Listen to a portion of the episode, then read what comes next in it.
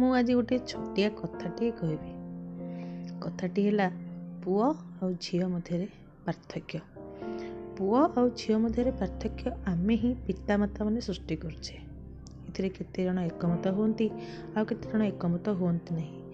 କିନ୍ତୁ ମୋ କହିବା କଥା ହେଲା ମୁଁ ଦେଖି ଆସିଛି ଗୋଟେ ଝି ଗୋଟେ ପରିବାରରେ ଗୋଟେ ଝିଅ ପୁଅ ଥିଲେ ବାପା ମାଆ ମାନେ ଝିଅକୁ କହନ୍ତି ଝିଅ ତୁ ଟିକେ ଘର ଓଳେଇ ଦେଲୁ। ଟିକେ ପାଣି ଆଣିଦେଲୁ। କିନ୍ତୁ ସେଇଠି ପୁଅଟିଏ ବସିଥିବ ପୁଅଟାକୁ କେବେ ବି କହନ୍ତି ନାହିଁ।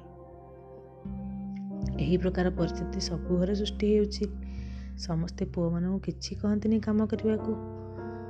କିନ୍ତୁ ଝିଅଟିକୁ ସବୁବେଳେ କହନ୍ତି କାହିଁକି ନା ଝିଅ ବଡ଼ ହେଲେ ବିବାହ କରିବ ଅନ୍ୟ ଘରକୁ ଯିବ। ତାକୁ ନିହାତି ସବୁ ଶିଖିବା ଦରକାର। ଏହା ତ ହେଲା ଆମ ଉଦ୍ଦେଶ୍ୟ। କିନ୍ତୁ ପୁଅଟିକୁ ଶିଖେଇଲେ କ'ଣ ସରିଯିବ? କିଛି ମାରା ହେଇଯିବ? ନା କେହି ବି ଚାହାନ୍ତିନି ପୁଅକୁ। ପୁଅରେ ଟିକେ ଘରଟା ଓଳେଇ ଦେଲୁ ଟିକେ ପାଣି ଗ୍ଲାସ୍ଟା ଆଣିଦେଲୁ କିନ୍ତୁ ସବୁବେଳେ ପରିସ୍ଥିତି ସମାନ ନଥାଏ ପୁଅକୁ ବି କିଛି ଶିକ୍ଷା କରିବାର ଥାଏ। କିନ୍ତୁ ଆମେ ବାପା ମାଆ ମାନେ ସବୁବେଳେ ଝିଅମାନଙ୍କୁ ସବୁ କାମ କରିବାକୁ କହିଥାଉ। ପୁଅକୁ କିଛି ବି କାମ ବତାଇ ନଥାଉ। ତେଣୁ ସେ ପିଲାଦିନୁ କିଛି ଶିଖିନଥାଏ